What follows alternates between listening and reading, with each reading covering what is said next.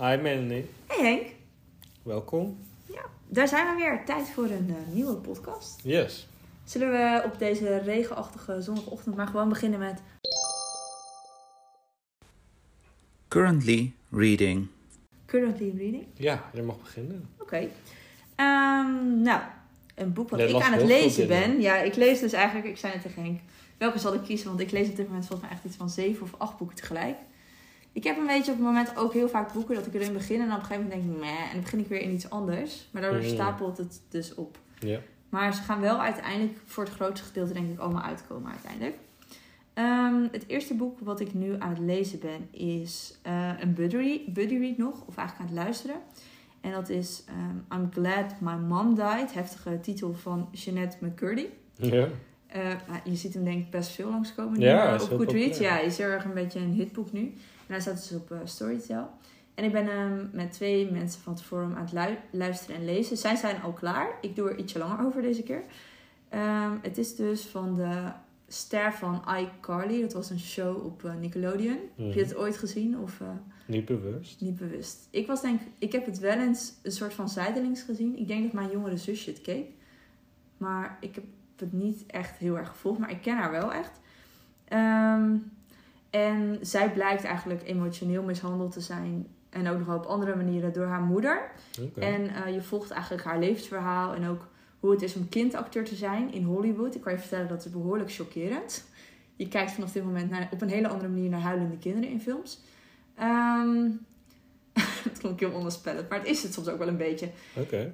En het is echt wel een heel goed boek. Ze, le- ze leest het zelf voor. Mhm. Dus daardoor vind ik het wel ook een beetje een heftig boek. Ze zijn in een interview van. eh, wat ze, ik, zag, ik zit ook op YouTube af en toe wat dingen te kijken. Ook filmpjes van audities en dat zij in een serie zit. Mhm. Want door dit boek weet je dan ineens het verhaal wat erachter zit. En dan had ze volgens mij met eh, Jimmy Fallon een interview. En zei hij, oh het is zo fijn dat er de humor in zit. Want zonder de humor zou het echt een verschrikkelijk boek zijn. In de zin van dat het zo dramatisch is. Mhm. En dat zei zij dus ook. En ik moet zeggen, ik, er zit wel humor in. Maar ik vind toch wel het heftige of zo van... Het is hele wrange humor.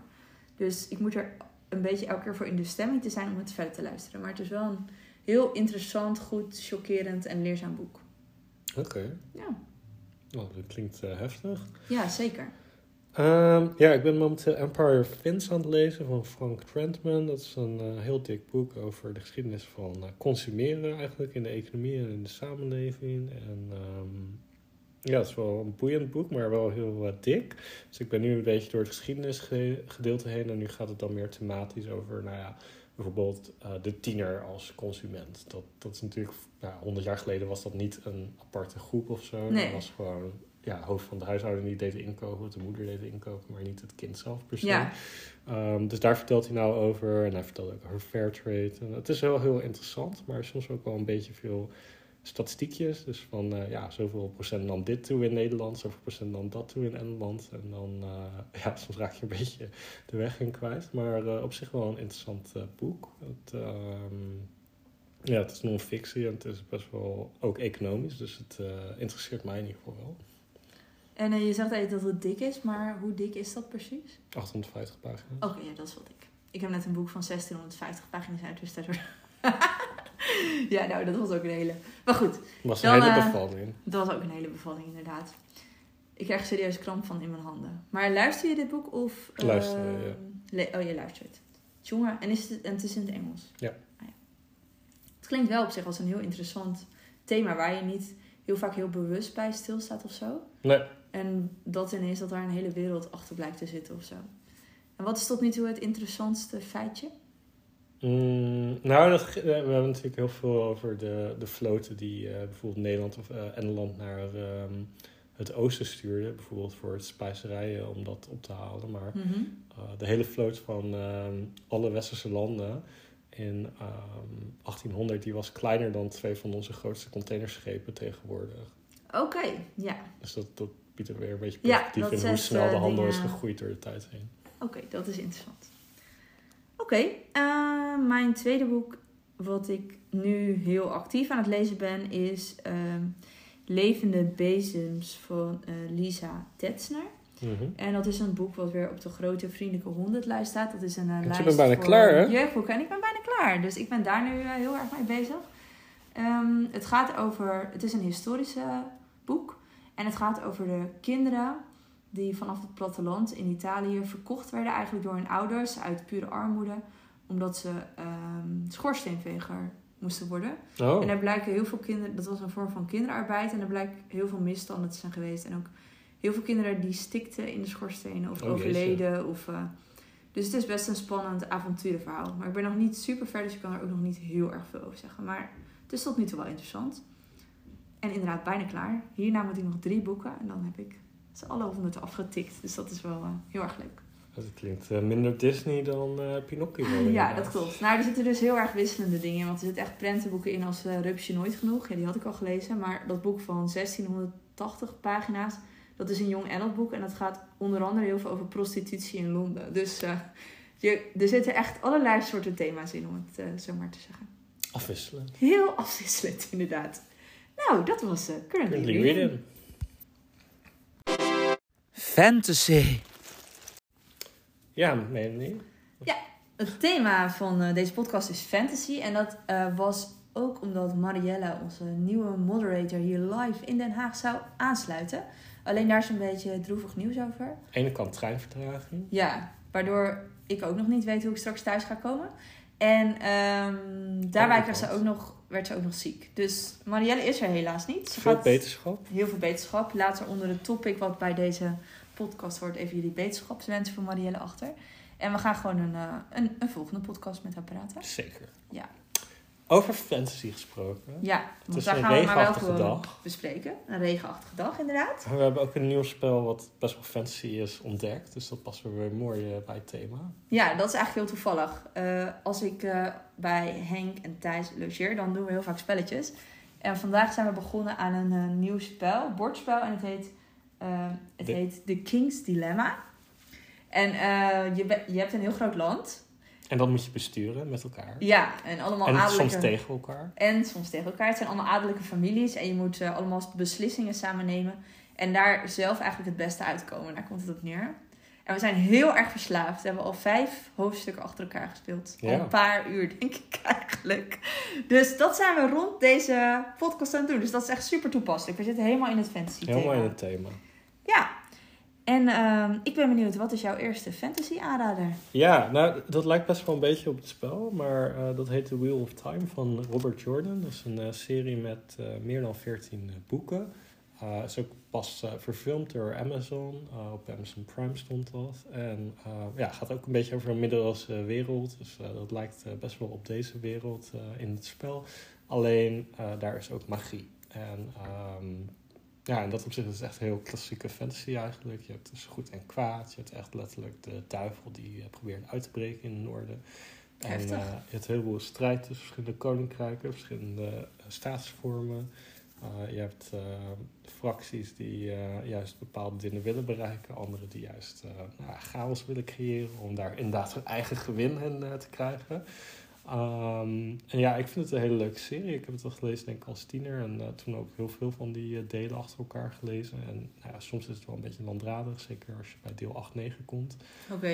Uh, maar zeker de eerste drie delen zijn echt, uh, ja, echt goede fantasy. Je blijft echt doorlezen. En ja, er zijn ook echt dilemma's, er zijn monsters. Dus alles wat je kan verwachten. Zwaardvechten. Uh, er zijn nog net geen draken. Maar voor de rest is alles wat je zou willen hebben qua fantasy is er. Dus, Nou, het lijkt wel spel wel, joh. Ja. En uh, heb, heb je ook een hoofdpersoon? Of is er niet echt bepaald Er is een hoofdpersoon. hoofdpersoon. de hoofdpersoon heet uh, Rand Altor. En hij is de herrezen draak. Want 3000 jaar geleden was er een magier en die brak de wereld. Oké. Okay. En hij is nou gereïncarneerd. En hij moet nou zijn fouten dus eigenlijk uh, goed maken. En hoe oud is hij? Is het een tiener? In het begin is hij een tiener, Dat is ja. heel vaak zo nou. Heel vaak is hij een tiener. Ja, heel vaak een tiener. Ja. En uh, nou ja, hij is dus special.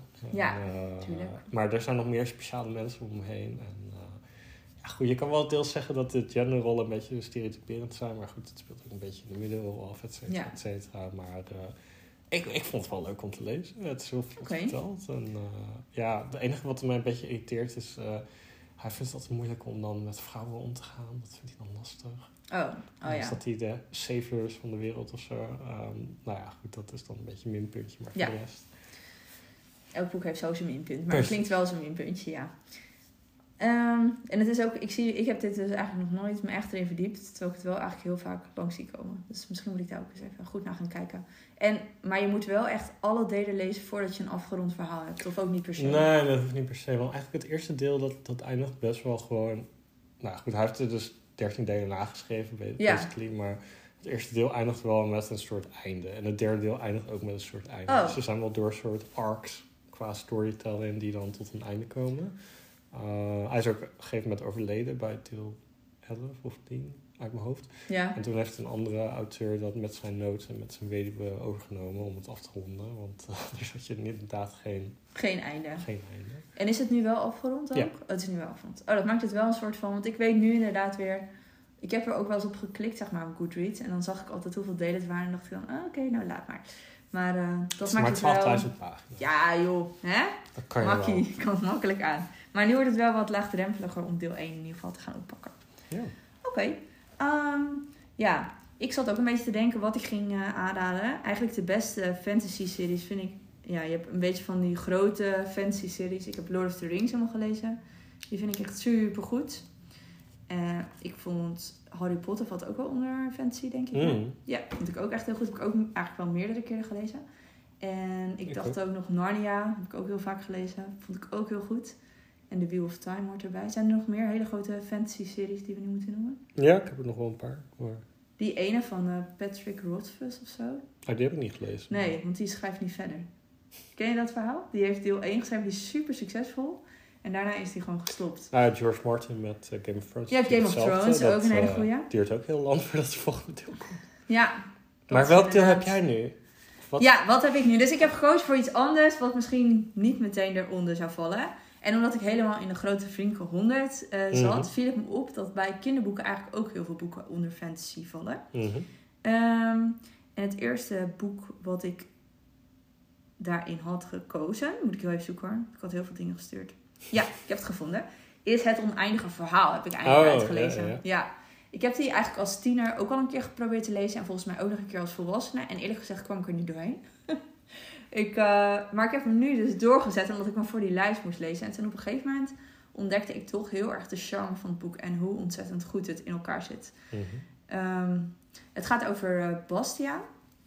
En dat is een jongetje dat gepest wordt op school. Ja. En dat eh, op een gegeven moment naar de zolder van zijn school vlucht. En daar eigenlijk, volgens mij, ja, eh, nou, hij ontdekt ergens anders een boek. En hij eh, vlucht met het boek naar de zolder van de school en gaat dat lezen. Ja. En dat is dus het oneindige verhaal. En ja, ehm, hij komt eigenlijk, hij, hij verdwijnt steeds meer in die wereld. En dat zie je ook letterlijk gebeuren. Want de echte wereld heeft een andere kleur de tekst dan de fantasywereld.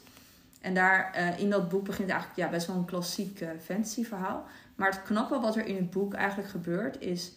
Nou, ik denk dat iedereen er wel eens over heeft gedroomd. Zeker ook als kind. Van, oh, was ik maar wat knapper? Was ik maar wat slimmer? Was ik maar wat, nou, veel populairder? Eh, en wat er eigenlijk gebeurt is in het boek... is dat eh, Bastiaan Hoort dat alles, ja. ja, die probeert elke keer, eh, die kan elke keer in dat verhaal iets uitproberen. Dus wat zou er gebeuren als ik slimmer zou zijn? Wat zou er gebeuren als ik heel erg knap zou zijn? Wat zou er gebeuren als ik heel erg sterk zou zijn? En uiteindelijk ehm, zit er een hele mooie boodschap in het verhaal die ik dan niet ga verklappen. Maar dat is echt een heel interessant psychologisch concept wat erachter zit. En waar ik steeds meer van onder de indruk raakte tijdens het lezen. Het is soms wel een beetje doorzetten, vind ik. Het voelt soms echt wel een klein beetje als een oneindig verhaal. Maar eh, als je het eenmaal uit hebt, denk je echt, wow, dit zit echt, dit zit echt knap in elkaar. Heb jij het ook gelezen? Ja, ja, en ik zit even te denken, maar... Ik, ik zit even te denken over... Wat was het einde? Nou ja, ja, ja, ik weet wel volgens mij wat het einde was. Maar, eh, wat mij vooral nog bijbleef was ergens halverwege dat je een soort time loop idee kwam. Ja, En dat vond ik wel heel goed gedaan. Ehm, en ook wel de, inderdaad de moraliteit van, eh, nou ja... Er zit wel een soort glijdende schaal in van, van held naar een andere, Ja. ehm, soort meer ambiguë rol eh, die hij ehm, opneemt, inderdaad. dat is ook wel origineel, vind ik. Zeker, ja, ja.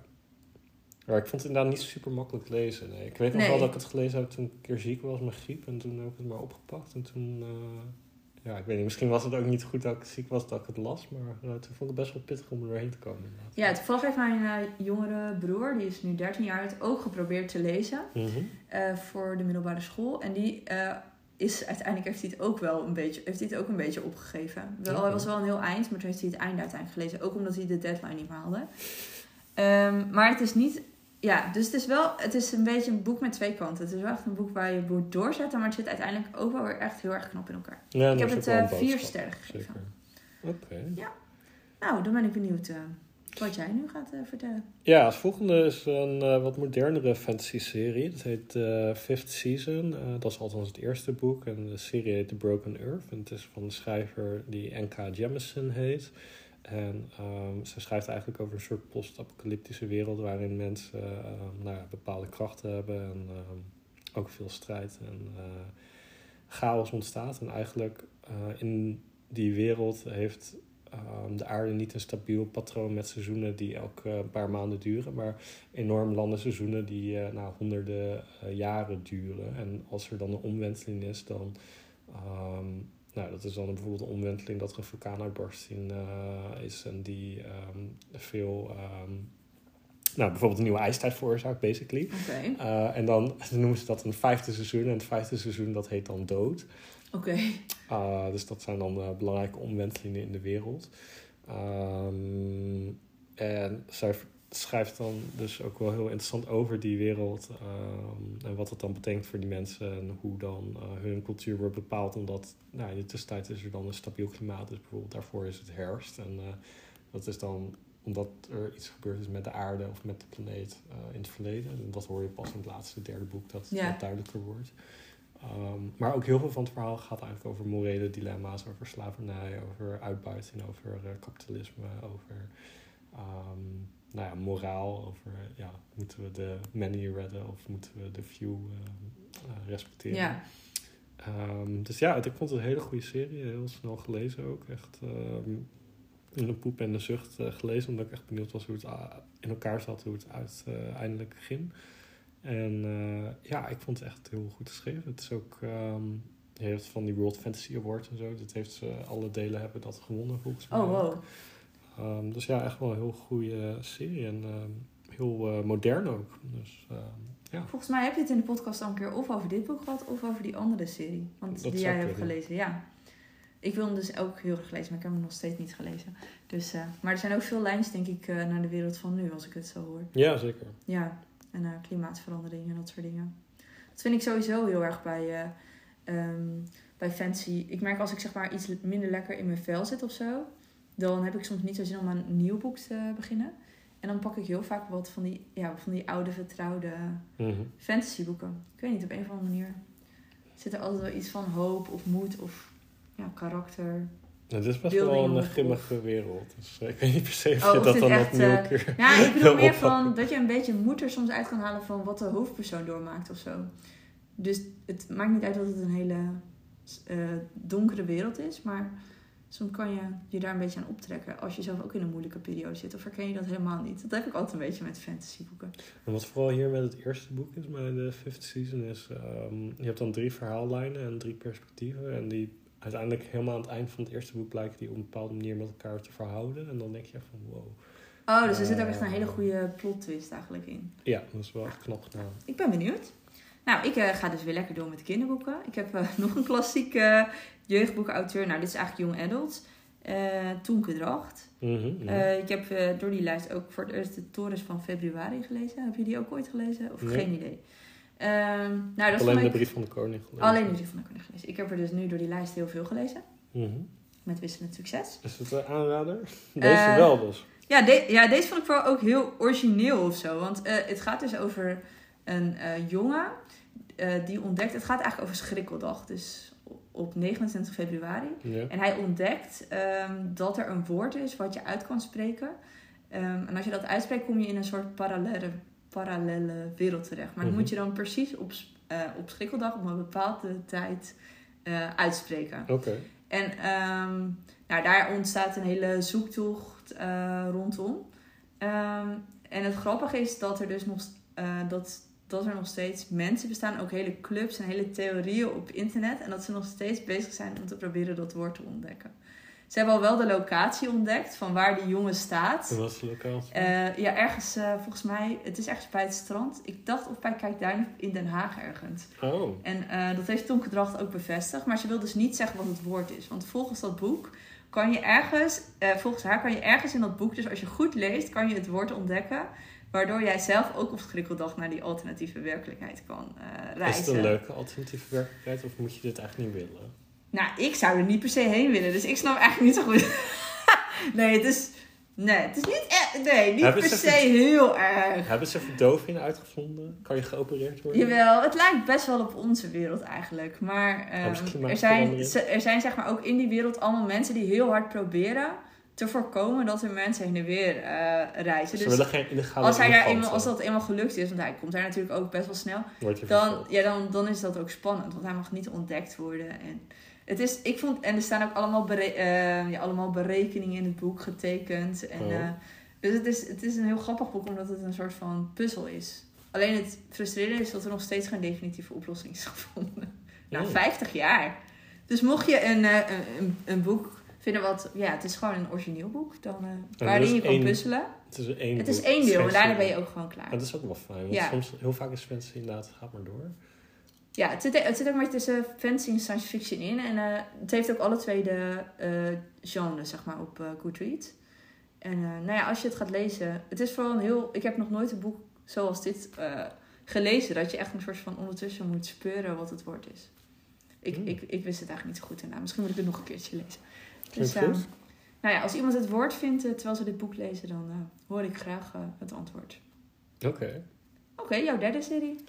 Eh, ja, ik denk dat ik dan eh, Philip Pullman de Golden Compass eh, of de Northern Lights serie zou willen noemen. Dus dat is een, ehm, ook een recent verfilmde serie. Ehm, Hoort ook wel een beetje bij die grote series, vind ik trouwens. Ja, die we ja. net allemaal nieuw noemen. ja, zeker. Zeker Ja. in Engeland is dat wel echt eh stapel, denk ik, als je opgroeit. Ja. Eh, nou, het gaat over meisje Lyra en zij woont in een alternatief Oxford, in een andere wereld inderdaad. En eh, nou, daar heeft de kerk heel veel macht, dus eh, blijkbaar heeft Martin Luther iets goed gedaan en heeft Genève in zijn macht. En het Vaticaan wat daaruit reageert, die heeft de macht in de wereld ehm, in handen. En die probeert kennis van andere alternatieve werkelijkheden ehm, te verbergen eigenlijk. Mhm. En ehm, nou, ja, wat ook bijzonder is aan die wereld is dat mensen hun ehm, ziel is zichtbaar. En hun ziel is zichtbaar in een dier, wat hen altijd vergezelt. Dat heet een demon. Ah. Is dat die ijsbeer? Nee, die Oh. ijsbeer is geen demon, maar die zit wel in die serie inderdaad. Ja, ik zie de filmposter nu voor me. En eigenlijk, uh, Lyra gaat dus op een avontuur om een, eh, schoolvriendje te proberen te redden. En eh, die komt allerlei, nou ja, inderdaad, pratende ijsberen, heksen en wat al niet meer tegen. Ook watergeuzen en Zeppelin-vaarders en al dat soort dingen. Ehm, maar het is ook wel voor een kinderserie echt wel duister. Want zeker aan het einde van het eerste boek, dan gaat er ook echt wel iemand dood. En ehm, in het tweede boek zit best wel veel ehm, nou emotioneel misbruik slash verwaarlozing. In het derde boek zit echt een voluit oorlog. En ehm er gaat ook best wel wat in de dood. Ehm, dus het is echt wel heel serieus. En ze moeten ook wel echt keuzes maken die... ehm, nou ja, het is ook niet dat zij het brave meisje wel alles perfect doet en goed doet. Ze is best wel rebels en opstandig en eh, eigenwijs. En eh, daardoor komt ze ook wel in de problemen.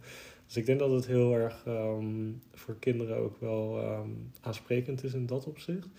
En het is echt wel een goed verhaal, want er zit ook wel echt nou, commentaar op de christelijke ideologie in en op ehm, religie. Nou, soms zeggen dat Op de duistere, duistere kant van religie Ja, dus. eh, ja. En er zitten ook wel overtunes van Dante en eh, Inferno in, bijvoorbeeld, in het laatste deel. Dus het is echt wel iets waar je ook als volwassene veel in kan ontdekken. En, eh, ja, ik vond het een hele goede serie. En, ehm, ja, ik zou zeggen, ik weet niet of je hem al gelezen hebt, maar Nee. ga hem lezen. Maar ik, eh, ik krijg wel zin om hem te lezen door dit verhaal. Dus eh, ik, krijg, ik krijg zin in fantasy. Dus dat is, dat is, Dat een, is goed, een dat is een goed punt. Dat is een goed punt. Ehm, nou, ik had er ook nog eentje. Ik heb dus een beetje niet helemaal standaard fantasy. Doordat ik ehm, nou, een, maar een beetje aan die lijst hou. Maar ik had er zo nog drie kunnen noemen. Dus eigenlijk zijn heel veel dingen van kinderboeken toch wel... zitten er elementen van fantasy in. En ik ging zelf ook de definitie opzoeken van fantasy voordat, we, voordat we begonnen. En ehm, En daar zag ik ook dat er eigenlijk soms meer onder valt dan je Denkt. denkt. Mhm. En ehm, wat ik ook al wel wist, ehm, wat ik zelf heel le- le- leuk vind aan fantasy, is fantasy die gedeeltelijk de, deze wereld eh, raakt. Mhm. Dus wat ik bijvoorbeeld eh, leuk vind aan Narnia, is dat je het idee hebt dat er nog steeds achter elke kleerkast een deur zou kunnen zitten Ja. die door die, eh, waar je doorheen zou kunnen om daarin te komen. En bijvoorbeeld eh, in ehm, Harry Potter vind ik het eh, leuk gedaan dat, dat, dat ze links in zitten naar de Tweede Wereldoorlog. Of dat er bijvoorbeeld dat er allemaal rampen gebeuren en dat de muggels dan niet doorhebben dat het eigenlijk aan eh, de Toverwereld. ligt. Ja. Dus als dat erin zit, merk ik aan mezelf, dat vind ik altijd heel erg leuk aan eh, fantasy. En dit is er eentje waarbij het ook heel erg gemixt is. Het is weer een klassieke, ehm, Mhm. een klassieker. En dat is eh, Paul Biegel. Dat is ook een klassieke kinderboekenauteur. Ik vind het wel goed dat je allemaal Nederlandse eh, schrijvers ook neemt. Ja, al twee. Ja, dat Ja. komt ook door die lijst, want er zitten heel veel Nederlandse ja, schrijvers ja, in. Michael Ende is trouwens een eh, Duitser. Ja. Maar die anderen zijn in het Nederlands. En ik vond hem vroeger al heel leuk. Ik weet nog dat mijn moeder vroeger De Kleine Kapitein aan mij voorlas. En dat ik dat een heel spannend boek vond. En ehm, het boek wat ik nu eh, aandraag is Nachtverhaal van Paul Biegel. En dat gaat over een kabouter. Dus mocht je ooit nog een boek nodig hebben voor de FNL Staat hij ook op de voorkant? Hij staat op de voorkant. Ik ga nu. Henk de voorkant laten zien. Kijk, Oh, ja. kabouter. Eh, het gaat Goeie over. tip, eh, goeie ja, goede tip. Het gaat over een kabouter die ehm, bij een oude mevrouw in huis woont, op zolder. Ehm, en dan vind ik het dus gewoon al leuk, en dat vond ik als kind ook heel leuk, het idee dat er dus misschien ergens bij jou ook een kabouter in huis woont. Maar het is absoluut geen kinderachtig verhaal. Het is vrij duister. Oké. Eh, het gaat namelijk over de dood eigenlijk, ten diepste. Ehm, en hij woont daar gewoon heel gezellig. Hij heeft ook twee vrienden, eh, een pad geloof ik en een rat.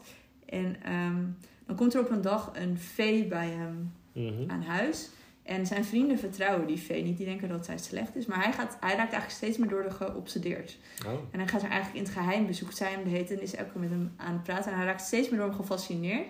En dit klinkt nu als een heel suf kinderverhaal, maar het is heel eng. Want je voelt een soort van eh, spanning van, oh, dit gaat echt helemaal uit de hand lopen. En hij gaat steeds meer dingen vergeten in het huis.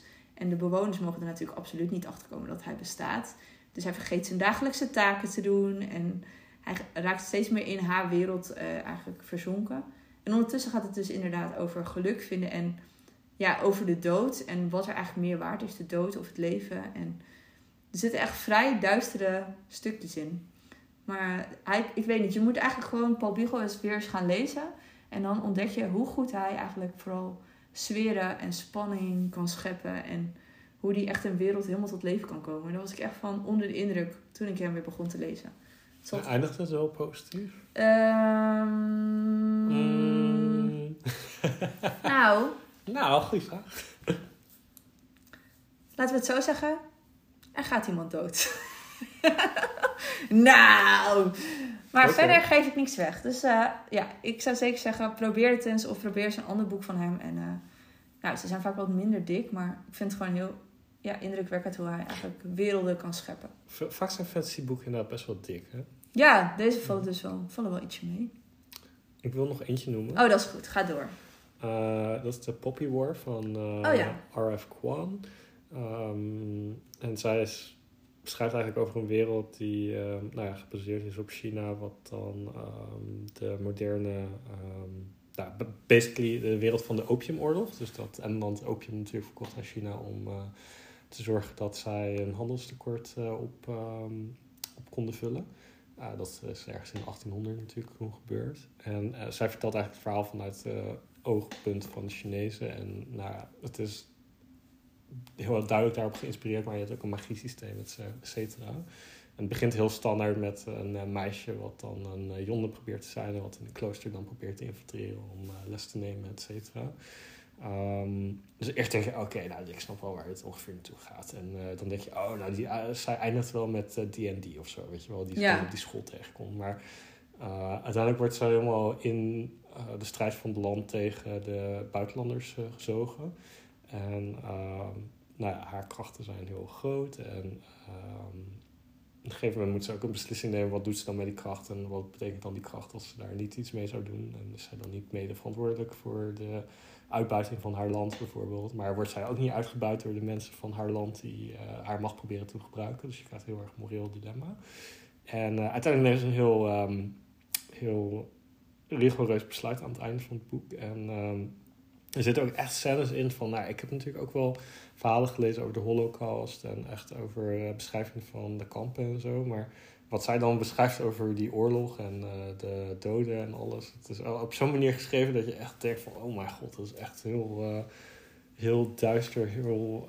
Um, ja, heel visceral eigenlijk geschreven. Het is echt, ik heb echt een naar gevoel van, maar ik zo zeg, het gewoon puur fantasy is eigenlijk. Het is natuurlijk wel gebaseerd op dingen die in het verleden zijn gebeurd, maar toch. Um, dus het, ja, het gaat eigenlijk heel snel van, van, oh, ik denk dat het gewoon normale fantasy is, met een beetje zo'n uh, verhaallijn, met een beetje romantiek en alles, tot echt gewoon, nou, er is uitroeiing, er is oorlog, er is geweld. Um, het is super duister. Heel duister, heel duister. En um, nou ja, zij is ook niet dat zij perfect is of alleen maar de juiste besluiten neemt. Dus uh, ja, het is wel echt een heel. Van moderne fantasy lijkt een beetje in dat opzicht op Broken Earth. In de zin dat. Ja, het is heel vaak. Nou ja, dat fantasy best wel clear-cut is en uh, bepaalde patronen volgt. Ja. Dat een beetje op Tolkien lijkt, een beetje in de middeleeuwen is, een beetje Mhm. dit, een beetje dat. Maar dit is echt uh, compleet anders. Dus als je Cool. iets heel duisters en um, iets verrassends wil lezen, ik zou zeker de Poppy War van uh, Erf Kwan aanraden. Is die nieuwe van haar, Babel, die is toch ook genomineerd voor de... De Goodreads Awards. Oh, voor voor- de maar volgens mij ook nog voor iets anders. Voor de, heet die, de, Dat weet ik niet. de Boekenprijs. volgens Nee, mij. nee, nee. Nee? Oh. Zeker, niet. Ik dacht, maar hij is wel echt ergens voor iets anders ook nog genomineerd. zeker niet voor de Booker Prize. Oh, oké, oké. Die is net Dat was echt een... Dat was dus echt gewoon een compleet misshot. Hij is ergens voor genomineerd, maar Vast waarvoor wel. weet ik niet. Ja, dat is Ja, heel makkelijk. want Maar Ik die zei ook echt een eh, willekeurige prijs. Die was ook echt wel goed. Maar eh, ik vind de Poppy War beter. Toch dus, nog eh, beter. Nou, ben ik ook daarmee. benieuwd naar. Jongen, weer heel veel... eh, fantasy. En eh, ik, ik weet nu... Ik, deze noemde jij bij de kwartaalmeeting. Ja, Ja, en Klopt. misschien heb je daar ook die andere wel bij genoemd. En dat Mogelijk. brengt mij ook meteen weer bij een bruggetje. ja. Namelijk wat er nu gaat gebeuren in de groep. Een grote groepsupdate. Ja, dan zijn we weer bij de groepsupdate inderdaad. Ja, nou laten we beginnen met de kwartaalmeeting. Ja, die is dus op 18 december. Ehm, Zondagavond. Zondagavond, dus iedereen eh, bel in. En eh, we gaan dan hebben over wat je favoriete boeken van het jaar zijn en waar je naar uitkijkt in het volgend jaar. Ja. En eh, altijd leuk om eh, elkaar te zien in plaats van alleen de tekstjes op het forum ook te zien. Dus, eh, Ja, en je krijgt altijd heel veel boekinspiratie uit, vind ik, uit die meetings. Zeker, ja. Ja. Dus dat eh, was het eerste wat we wilden promoten. Ja, Nou, en dan eh, het maandboek. ja twee, eh, het maandboek is Invisible Women van Caroline Criado Perez. En zij vertelt eigenlijk over van, nou ja, wat er allemaal in de moderne maatschappij ehm, ten nadele eigenlijk ingeregeld, ingebakken is ten nadele van vrouwen. En het gaat echt om hele simpele voorbeelden soms over de workplace of over nou ja, medicijnen. Heel vaak worden medicijnen alleen getoetst op mannen tussen 18 en eh 35 bijvoorbeeld. En die hebben dan een compleet andere uitwerking op vrouwen. Of die houden geen rekening met bijvoorbeeld de cyclus die een vrouw heeft. Ehm, dat zijn maar kleine voorbeelden. Maar ze heeft echt een eh, legio aan voorbeelden over bijvoorbeeld... Ook hoe openbaar vervoer georganiseerd is in de stad. Dat het heel erg eh, gebaseerd is eigenlijk op de noden van een eh, werkende man. Ehm, terwijl vrouwen vaak natuurlijk nou, kinderen moeten ophalen, boodschappen moeten doen. Ook naar hun werk moeten. En, Dat is trouwens wel weer echt een heel... eh, Hm? niet, hoe zeg je dat? Dat je zegt dat de, dat, dat de vrouwen de kinderen om moeten halen. En de, dat is wel weer ook weer heel erg op een bepaald beeld. Nou, maar dat is wel absoluut waar. Want kijk, zelfs ondanks alle, alle emancipatie en alles ja, is we zeggen van, echt veel, ja. van mannen en vrouwen zijn gelijk, blijkt wel dat uit onderzoeken van bijvoorbeeld vrije tijd, dat vrouwen echt veel vaker zorgtaken op Ja. zich nemen in de wereld dan, dan mannen eigenlijk, basically. Ik vraag me wel, eh, dat is inderdaad wel zo, maar ik, ik vraag me wel af van... eh, op welke landen deze statistieken zijn gebaseerd. Dan moet je het boek lezen, Ja, dan moet het boek lezen. Ja. Nee, maar ze, ze heeft echt wel voorbeelden van Brazilië bijvoorbeeld, eh, Ja. Zuid-Afrika. En eh, nou, ik heb de best presterende landen zijn het, eh, Scandinavische landen, dus IJsland, Zweden, Denemarken, Noorwegen, et cetera. Verrassend. Ehm, maar niet eens. Maar ja, het is, dus, zij doen er het beste. Maar zelfs Ja. daar is nog steeds een eh, discrepantie te zien, bijvoorbeeld. Ja, Dus ik, ik vond het best wel een boek waar je... Ik, vond- ik kwam er wel redelijk snel doorheen. Ik vond het wel echt interessant. En eh, ja, je wordt er ook wel een beetje kwaad van als je het leest. Terwijl, ja, ik niet direct geraakt ben. Dus ik ben wel heel benieuwd wat mensen op het forum ook vinden. ja het wordt al wel aardig veel, eh, veel gelezen. Nog niet heel veel mensen hebben denk ik helemaal al uit. Maar door, er zijn er wel aardig wat die aan het meelezen zijn. Ja. En daar werd ook die vraag gesteld van dat je dus soms merkte dat bij sommige problemen... dat je dacht, oh ja, dat valt in Nederland wel mee. Maar ik weet dus niet of dat echt zo is. Maar dat had jij iets minder dus. Nou, ik bedoel, volgens mij was het vorige week nog was ehm, Equal Pay dag. En dat betekent dus dat, Ja, dat is waar. ehm, mannen vorige week hadden ze evenveel verdiend als een vrouw gemiddeld in het hele jaar verdient. En dan kan je zeggen, nou, dat komt door deeltijd, komt door dit, komt door dat.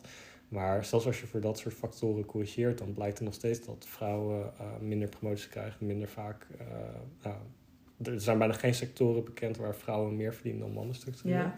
Zo omgekeerd wel vaak voorkomt. Ehm, en het blijkt ook zo te zijn als sectoren bijvoorbeeld ehm, in bepaalde landen meer vrouwen hebben. Bijvoorbeeld, nou ja, heel stom voorbeeld, administratie is bijvoorbeeld in Oost-Europa van oudsher best wel een vrouwenberoep. Terwijl Mhm. in West-Europa het meer een mannenberoep is Ja. blijkbaar. Ehm, dan zie je dus dat in Oost-Europa gemiddeld gezien administratieve banen slechter betalen dan gemiddeld. Oh. En in West-Europa, waar het dus gemiddeld meer een mannenberoep is, blijkt dat het dus beter betaalt dan gemiddeld. Ehm, nou, en dat kan natuurlijk allemaal circumstantial zijn, maar als je het boek leest, dan kom je wel echt, wel- dan, ja, daar ga je wel over nadenken. Ah. Dus het is wel echt boeiend. Nou, een heel belangrijk boek dus eigenlijk. Ja, Ja. En het volgende maandboek wordt hoogstwaarschijnlijk, of was de poll zelfs al gesloten? Dat weet ik nog niet. Maar, oh, maar hij ze staat loopt wel heel goed erg voor. voor, is eh, Emma, Emma, van Jane, Austen. Austen. Nou, vind ik wel een beetje in de sfeer van onze Charles Dickens eh, kwartaal eh, passen. Eh, en die ga ik eh moderaten, denk ik. Want eh, die ga ik meelezen. Die wil ik eigenlijk al eh, langer lezen. Ik ben er ooit in het Engels in begonnen. Maar het begin, daar zitten aardig wat namen in en zo. En daar kom ik zo niet zo goed eh, in. Dus ik ga hem nu proberen in het Nederlands te lezen. En eh, ik, ik hou wel van de Jane Austen boeken. Dus ik, heb helemaal, ik kom daarvan helemaal in de kerstsfeer. Dus ik heb er al helemaal zin in. Dus eh, mocht je mee willen lezen, reserveer het alvast in de biep. En dan gaan we er weer een hele mooie read van maken met z'n allen. Mooi zo. Oké. dan hebben we nog het boekentoernooi. Boekentoernooi. Nou, daar kun je nog stemmen tot het eind van de maand. Maar eh, momenteel lijkt er een duidelijke leider te zijn. Dat Ja. is de belofte van Damon Cogwood. Knap, want een boek al wat vanaf het begin meedoet. Vanaf Ja. de eerste ronde en er nog steeds in zit. Ja, ja, en vanuit mijn ronde, dus dat vind ik ook wel weer fijn. Hè? Ja, Ja. ik had eigenlijk verwacht de vorige ronde dat hij eh, het misschien ging afleggen tegen het non-fictieboek. Ja, Maar eh, dat was niet zo. nee. Hij won. Dus eh, ik, ik heb eh, The Promise al helemaal gelezen. En ik ben bezig nog in... Met Project eh, Hail Mary? Ja, ik ben al over de helft, dus ik mag eventueel stemmen.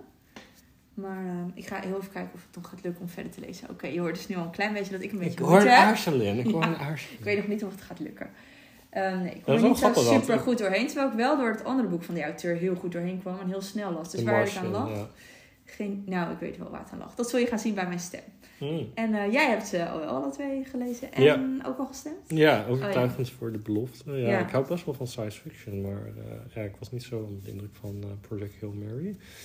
Dus eh, ja, Maar er zijn, er, er zijn wel alweer nu volgens mij twee stemmen toch weer bijgekomen van Project Heel Merry. Dus wie weet wordt het nog spannend. Mm. We gaan het zien. als je maar Aan het stemt, hè, einde van Mandy. deze... Ja, als jij maar stemt. Oké. ik ga binnenkort stemmen. Oké. ehm, nou, dan heb ik eigenlijk nog als laatste de FNL Challenge staan. Ja. Er komt eh, nog een winterbonus aan. Mhm. Dat kunnen we nu even... Dat kunnen we wel bekendmaken, denk ik. Dat is al een keer half bekendgemaakt. Dus, eh, maar daar gaan we verder wel over zeggen. Ja. En eh, voor de rest, eh, hoe gaat het bij jou, Henk? Ja, gaat wel goed. Ik denk dat ik er wel kom. Ik moet alleen nog wel ehm, de serie, moet ik nog even flink stap in maken. Ik denk dat ik de rest allemaal wel al gehaald heb. Oh. Alleen, ja, ik moet wel zeggen van, vaak heb je in je hoofd, oh, laat ik hiervoor een boek van 800 pagina's lezen. En dan denk je bij jezelf, nou, het is nu al half november. Misschien is dat niet meer helemaal de beste Oh ja. approach. Want hoeveel Ehm, bladzijden heb jij, eh, wil je halen eigenlijk met die bladzijdenbonus? Of ben je daar niet zo mee bezig? Nou, ik dacht eerst dat 50.000 wel zou lukken, maar eh, nu denk ik dat het iets meer dan 40 wordt. Oh ja, zo netjes. Ja, ik ben zelf dus eh, vooral heel erg bezig met die grote vriendelijke honderdlijst. Weet je waar En, het echt eh, misging bij mij? Nou ja, bij de zomeropdracht. Ja. Toen dacht ik, oké, ik moet 60 landen hebben. Is ook gelukt, 59 landen, maar dat heeft me echt Wow. twee maanden geduurd. Ja, dat zal wel, ja. Ja, die was, die was onverwacht heel erg intensief. Dat klopt. Ik heb daar ook echt heel veel voor gelezen. Was wel heel leuk, vond ik trouwens. Maar eh, ja, was het was wel een puzzelen, intensieve puzzelopdracht, ja. Zo, dat was echt een uitdaging. Ehm, Jij ja. nog wat. Ja, ik, ik weet het dus niet zo goed. Want ik ben heel erg eh, op de grote flinke 100 gaan richten. Om die uit te krijgen. En ik hoop eh, binnenkort een puzzel eh, eh, middag of zo eh, in te lassen. En dan gewoon te kijken van wat waar past. Ik denk dat ik wel redelijk wat opdrachten kan voltooien. Maar ehm, ik ga het niet helemaal halen. Dit Ga je volgend jaar jouw invloed gebruiken om meer kinderboeken in de challenge te krijgen? Daar doe ik geen uitspraak over. Oké, dus dat kunnen jullie al verwachten, mensen. Nou, dat weet ik niet hoor. Maar ik hou wel van kinderboeken, dat weten we allemaal.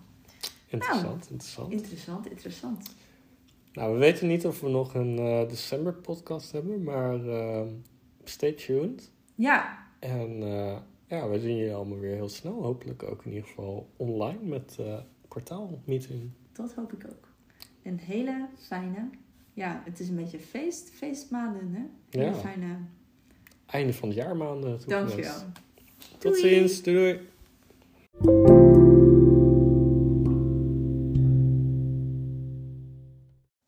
Doei doei!